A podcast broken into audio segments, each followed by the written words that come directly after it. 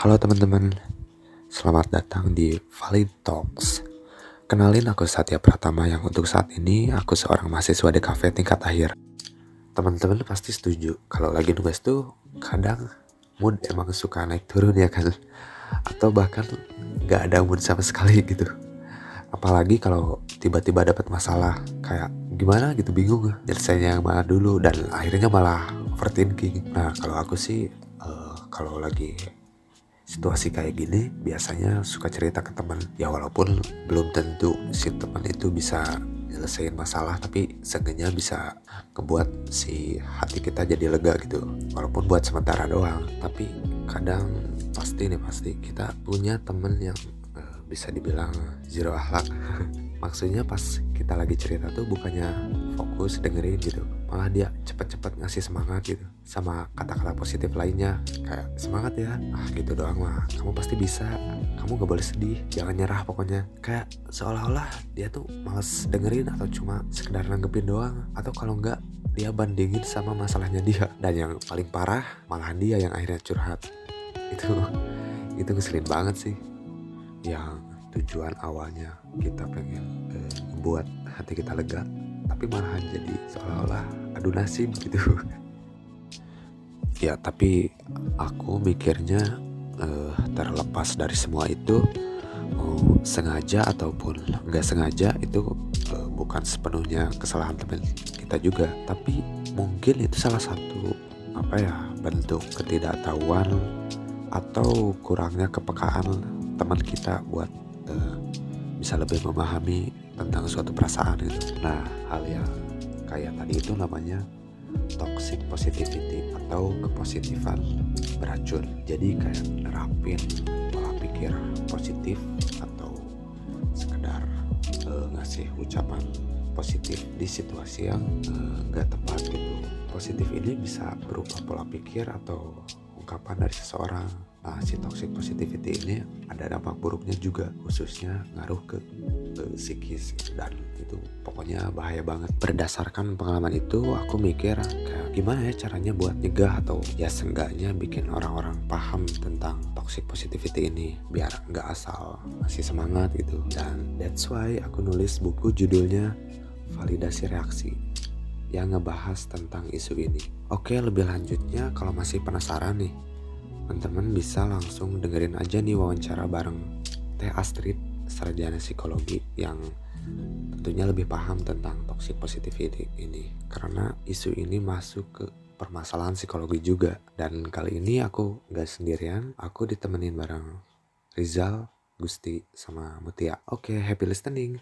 Assalamualaikum Teh Astrid. Assalamualaikum. Salam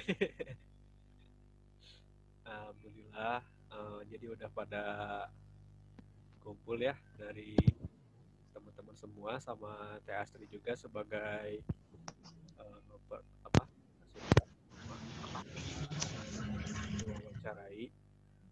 Sebelumnya uh, kami ucapkan terima kasih buat Teh Astri yang udah menyempatkan waktu istirahatnya. apa kabar Teh Astri? Alhamdulillah eh, baik. Uh, kenalin saya uh, Rizal, mahasiswa dari DKV STT Bandung angkatan 2017 dan di sini juga teman saya yang bertiga lagi sama dari mahasiswa DKV STT Bandung. Kalau gitu mau baik. aja ya. Testri sekarang tuh lagi nge lagi ambil itu juga ya, berarti uh, psikologi juga ya. Iya, betul. Mungkin sebelumnya kenalan dulu ya. Kan iya. taunya dari Resi ya. Oh iya. Saya juga alumni Unibi. Saya tuh uh, mahasiswa psikologi Unibi angkatan 2013, jadi lulus tahun 2017. Nah, sebelumnya sempat juga kerja di Unibi sebagai administrasi fakultas selama dua tahun. Nah, eh, tahun terakhir ini saya melanjutkan studi S2 Magister Profesi Psikologi di Unisba. Jadi eh, melanjutkan S2 Psikologi juga gitu.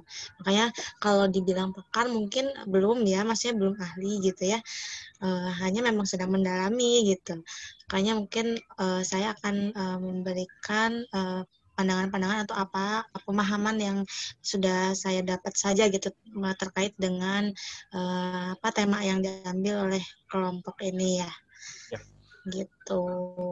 Kalau gitu langsung aja dimulai ya Teh ke pertanyaan yang pertama. Ya. Menurut ilmu psikologi, apa itu toxic positivity? Oke, saya jawab ya. Sebetulnya uh, toxic uh, positivity itu termasuk kajian yang baru ya. Kajian baru yang uh, belakangan ini uh, mulai dibahas karena memang fenomenanya banyak terjadi gitu ya. Kalau secara pengertian sebetulnya toxic positivity itu seperti uh, apa kata-kata positif gitu ya. Uh, apa kata-kata semangat yang disampaikan seolah-olah itu uh, positif kepada seseorang yang sedang mengalami uh, mental yang turun. Tetapi uh, hasilnya itu sebetulnya malah berbalik karena uh, waktu yang tidak tepat. Sehingga dihasilkan bukan men menambah uh, kekuatan mental gitu ya, tetap berkebalikan seperti itu kalau yang saya pahami tentang toxic uh, positivity gitu ya. Yang uh, pengertian toxic positivity udah dijawab sama Teh Astri. Ke pertanyaan selanjutnya tuh ya, apa dampak yang ditimbulkan dari toxic positivity? Oke. Okay. Sepertinya tadi ya pengertiannya mungkin uh, apa uh, niatnya gitu ya kata-kata uh, positif itu awalnya ingin mengembangkan atau me, me, apa, memulihkan keadaan mental seseorang. Namun karena waktu yang tidak tepat, kata-kata semangat itu gitu ya, kata-kata positif vibe itu diberikan, terkadang memberikan dampak-dampak uh, tertentu. Misalnya yang pertama itu ketika uh, apa kata-kata positif diberikan kepada orang yang justru uh, memiliki uh, self esteem atau self esteem itu penghargaan diri yang rendah itu malah menimbulkan rasa atau menambahkan menambah rasa rendah dirinya seperti malu gitu ya. Malah lebih uh, menambah rasa itu. Karena seperti ini misalkan ketika orang yang uh, sedang di bawah kondisi mentalnya. Dia misalnya uh, minder dan sebagainya. Lalu muncul kata-kata positif seperti hmm, ah kamu gitu aja uh, harus minder gitu. Coba lihat orang lain misalnya. Yuk semangat yuk ya lebih lebih pikirin yang positif positifnya gitu. Nah bagi orang yang rendah diri mungkin hal itu malah menambah oh iya ya saya itu uh, justru memang memperkuat rasa rendah dirinya. Saya itu tidak bisa seperti orang lain. Bukan malah membangkitkan gitu ya semangatnya untuk bisa lebih uh, bisa percaya diri dan sebagainya. Tetapi malah tadi memperkuat rasa rendah dirinya. Orang itu akan lebih uh, merasa tidak berdaya gitu. Itu yang dampak yang pertama. Kemudian yang kedua sebetulnya ini juga uh, apa ya dampak uh, jangka panjang bagi orang-orang yang biasanya tidak uh, bisa menyampaikan emosinya. Karena gini toxic positivity ini tuh bisa uh, menghambat juga ekspresi emosi dari seseorang. Jadi seharusnya orang itu yang sedang dalam kondisi mental yang tidak baik bisa mengeluarkan emosinya gitu ya.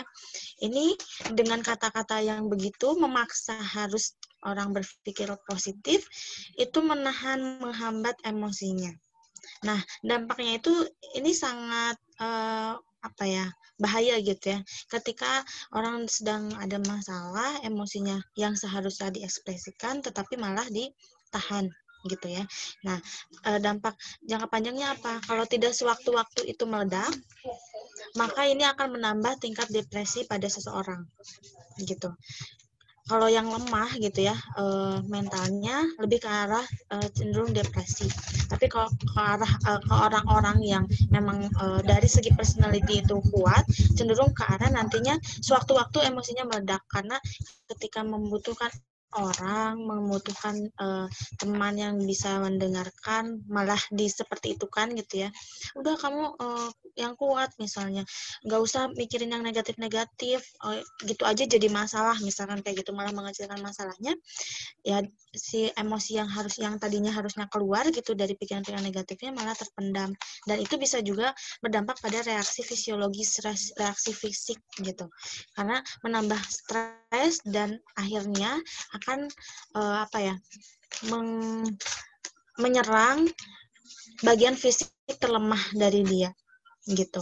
Kalau di psikologi namanya ada psikofisiologis ketika uh, stres, ketika pikiran negatif itu berpengaruh kepada fisik gitu ya. Fisik yang paling lemah misalnya akan menimbulkan penyakit-penyakit yang sebabnya adalah oleh fisiologi, oleh psikis gitu, bukan oleh uh, fisik. Seperti misalnya mah gitu terkadang kambuh mah padahal e, bukan penyebabnya oleh fisik gitu atau misalnya asma gitu bagi orang-orang yang e, memang ada asma tetapi pemicunya adalah e, kondisi psikis dia gitu.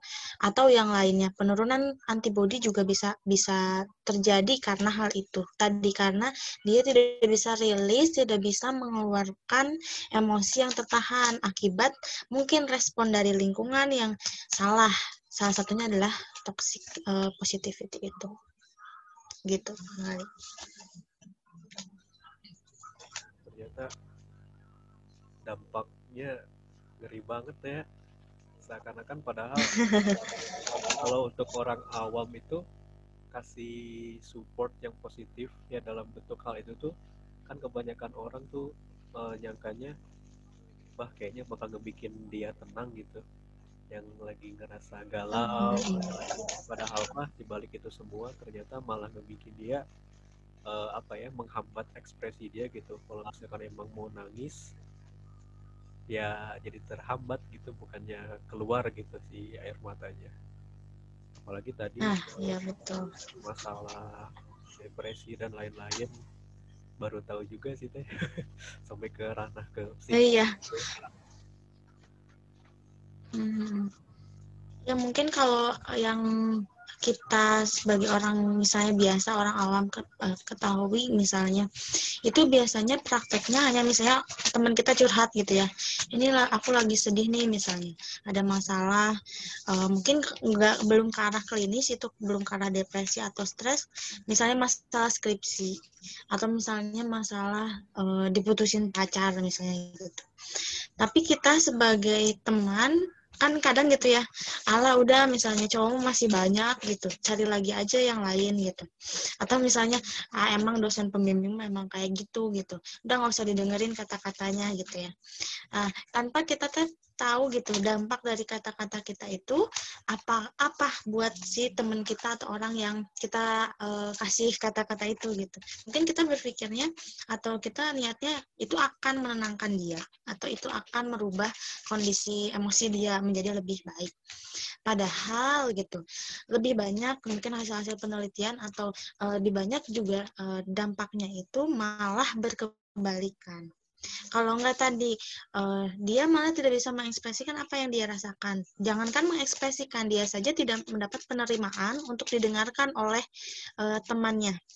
Kenapa merasa tidak diterima gitu karena orang sebetulnya ya yang memberikan kata-kata positif gitu yang tadi ketika orangnya sedang ketika temannya sedang bermasalah sebetulnya itu menunjukkan ketidakpedulian sebetulnya menunjukkan tidak empati uh, terhadap masalah temannya karena dia itu hanya ingin temannya cepat membaik tanpa peduli bagaimana perasaannya saat ini gitu.